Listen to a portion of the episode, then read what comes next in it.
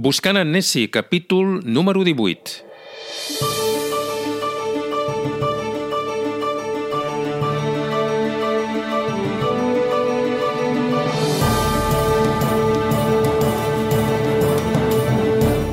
Això és Buscant en Nessie, el podcast on parlem d'Escòcia, dels seus paisatges, els seus costums i tradicions i de la seva gent. El fem els germans Geriot, Santi Geriot des d'Inverness i Per Andrew Geriot des de Barcelona. Santi, bon dia, com estàs? Bon dia, molt bé, i vos? Bé, avui tornem a Glasgow, no? Sí, avui us volia parlar de parcs, de jardins i jardins botànics de Glasgow.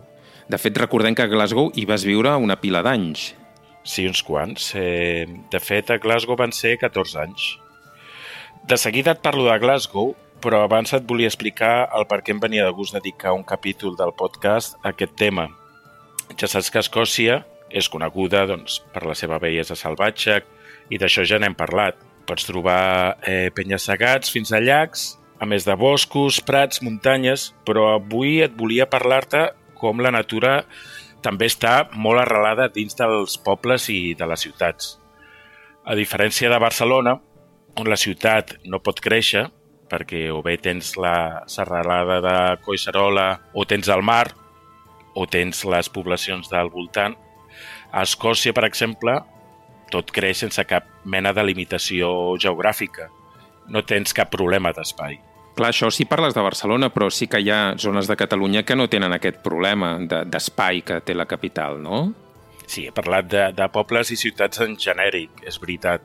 Però si comparem, per exemple, Glasgow amb Barcelona, això que et dic també es compleix. Fixa't, Glasgow no té ni 600.000 habitants, més o menys una tercera part de la població de Barcelona. Però, en canvi, la superfície és més gran, gairebé el doble, Barcelona té uns 100 quilòmetres quadrats i Glasgow en té 175. De fet, recordo que ja vas comentar que Glasgow era la ciutat amb més població de tota Escòcia. La primera ciutat en nombre d'habitants d'Escòcia i la tercera del Regne Unit. Només la superen Londres i Birmingham, que, per cert, entre nosaltres, Birmingham, no hi ha res interessant, però res. Potser el centre comercial, ja veus. En fi, tornem a Glasgow, és també la primera ciutat industrial d'Escòcia i te l'imagines amb una contaminació important i no és així, de cap manera. Tinc la impressió ara que comentes això de la contaminació, que deu ser una mica el, el tòpic que deu tenir la gent quan li parles de Glasgow. Gent que encara no hagi estat a, a la ciutat. Segur que se la imaginen, de fet, ens la imaginem quan no l'hem vist abans, una mica com Manchester, no? Una ciutat industrial, grisa, no?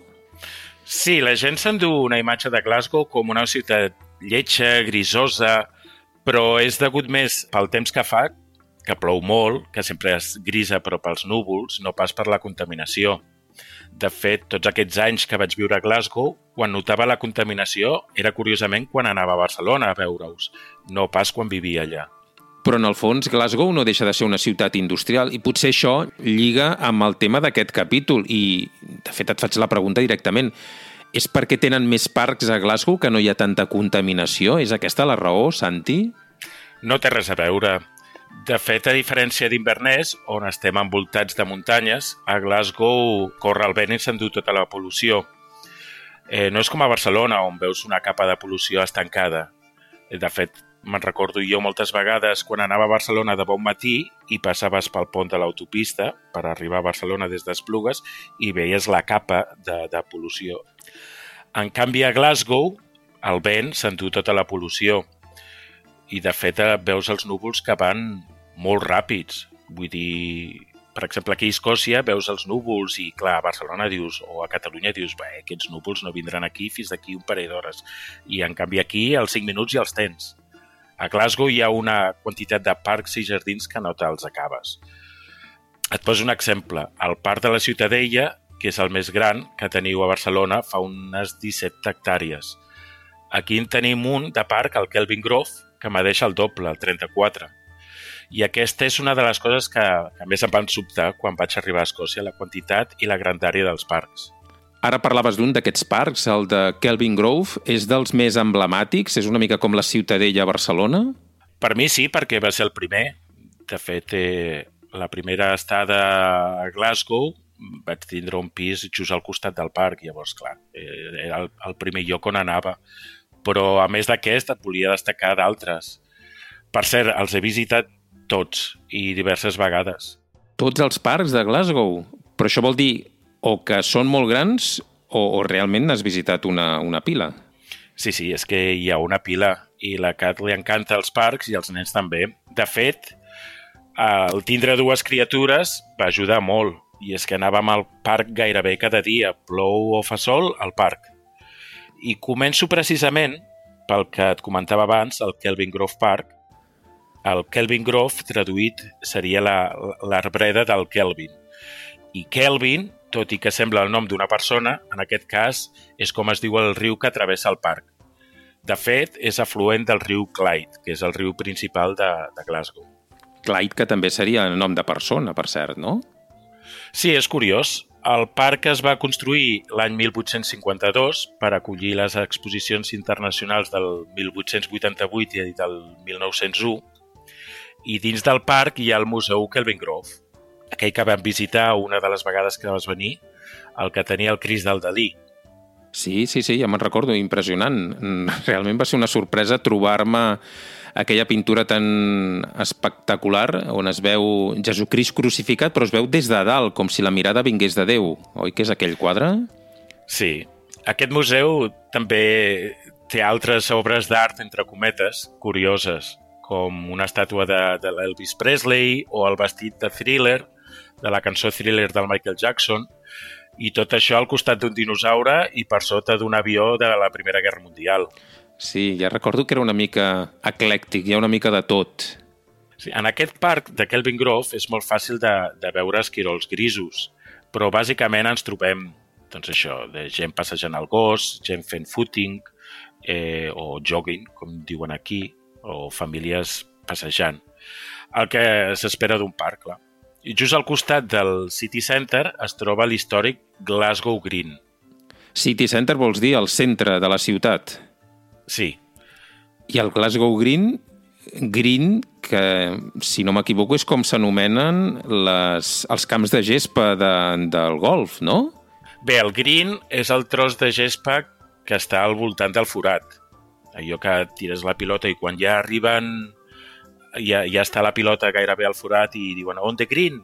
Doncs és aquella rodona, saps, que, uh mhm. -huh. que està tallat una mica més fina de, del reste. Això és el green. Un altre dia ja parlarem del golf, que ja saps que es va inventar aquí. Uh mhm. -huh. El Glasgow Green és el parc més antic de la ciutat, que data del segle XV i aquí el trobaràs l'espectacular eh, Dulton Fountain.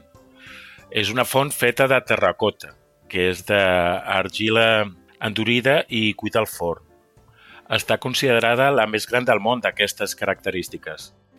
És també dins d'aquest parc immens, el Glasgow Green, que té 55 hectàrees, on hi podem trobar també el People Palace, que és un palau que té un, un petit jardí botànic on me'n recordo jo, cada vegada que anàvem amb els nens, anàvem a, a veure si hi havia plàtans al plataner, que tenen un plataner a dins, i anàvem a veure si havien crescut els plàtans. I també hi ha un cafè a la planta de baix, i a la planta de dalt hi ha una exposició dedicada a la història social de Glasgow i de la seva gent. I d'aquí el nom, no? Segurament, People Palace. Exacte. El més curiós de tot és trobar-te amb molta documentació relacionada amb la Guerra Civil Espanyola i també amb els brigadistes internacionals que van anar a ajudar el govern de la República. Molts eren de Glasgow. Ara per ara, pel tema del Covid, està tancat per això. Seguim. Un altre eh, parc molt bonic per anar-hi és el Victoria Park. Per mi és un dels parcs més bonics de Glasgow.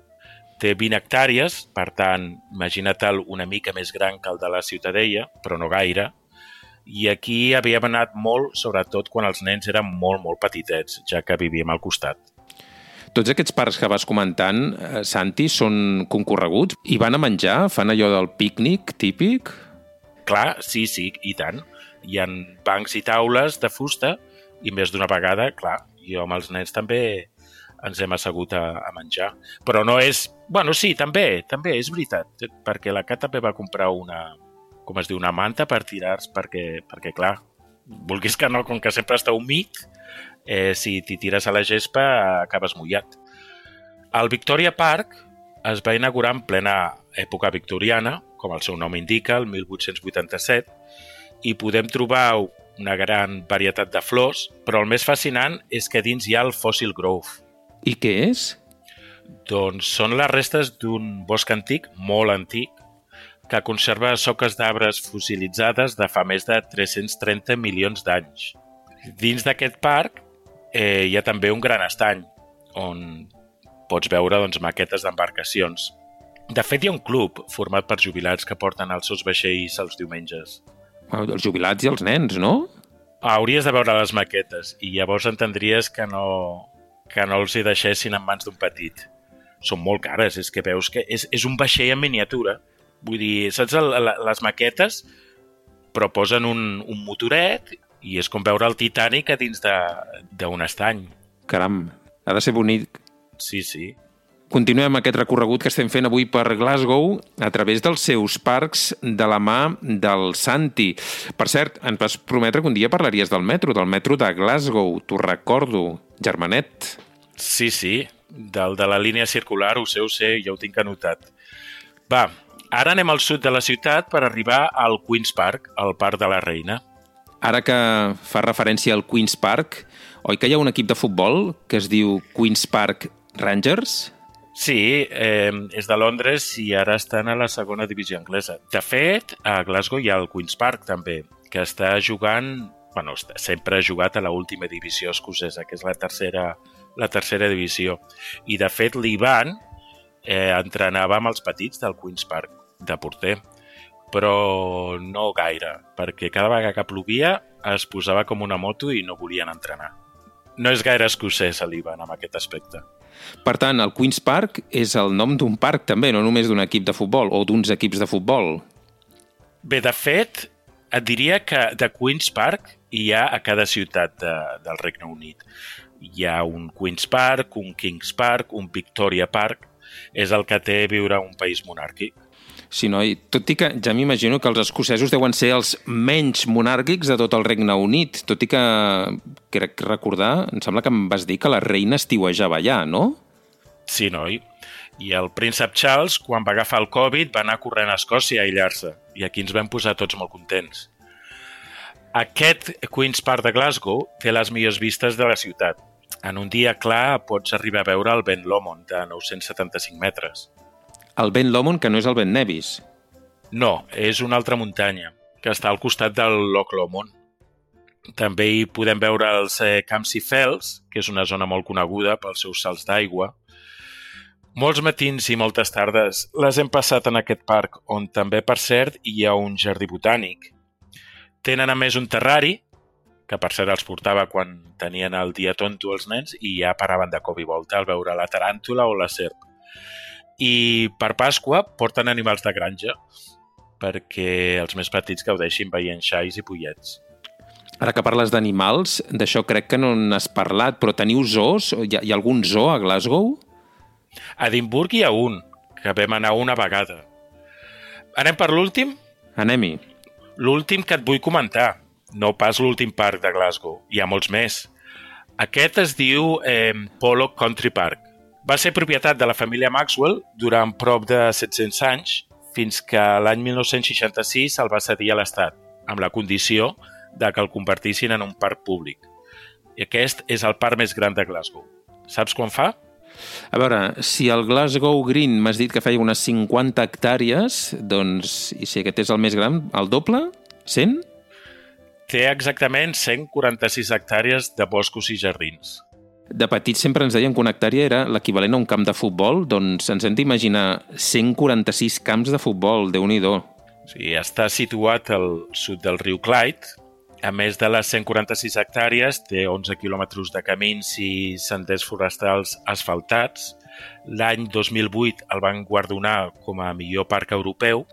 Si et poses al mig, mai diries que ets només a 3 quilòmetres de distància del centre de Glasgow deu ser un contrast important, tot i que ja imagino que en el fons el centre de Glasgow no deu ser el centre de Barcelona tampoc, si més no, a nivell de, de trànsit, soroll, contaminació, no és el mateix, no?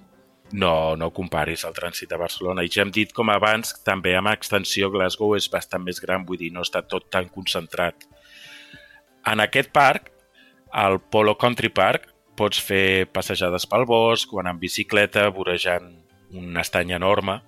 Ja només per això, per tenir un bosc tan a prop del centre, ja deu valer la pena d'anar-hi, no?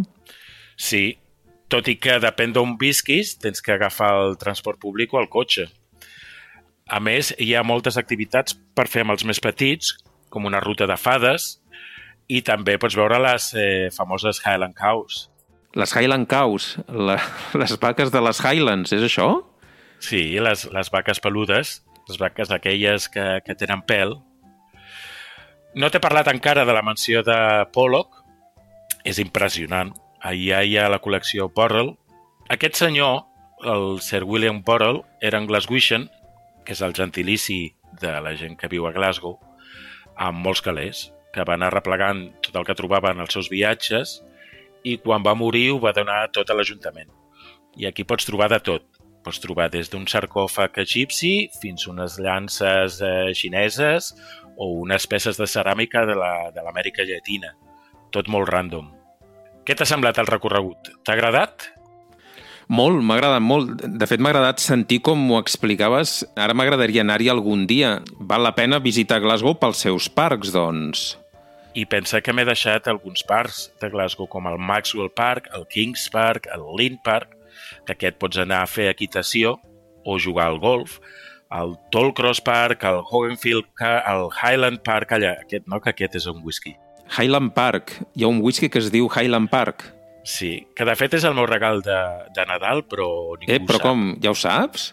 Bueno, vaig entrar a l'Amazon i vaig veure aquesta comanda i la Cat no crec que... no li agrada el whisky a la Cat, o sigui que o és per mi o és pel sobre i llavors em posaré de mala llet. No, no. crec que és per mi, crec que és per mi. Mira, ara ja avances una mica el tema del proper podcast. Parlarem de Nadal, no, Santi? Sí, tant. El Nadal i el Sant Esteve, que aquí en diem el Boxing Day. Però això serà el pròxim capítol de Buscant en Nessi.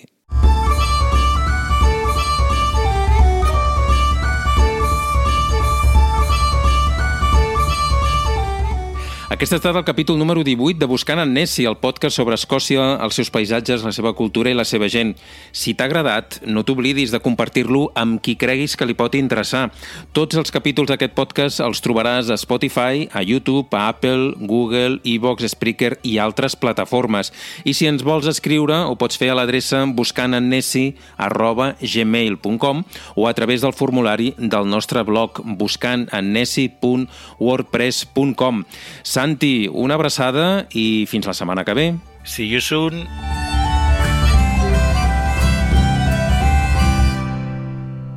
Realment algú l'ha vist el Nessi?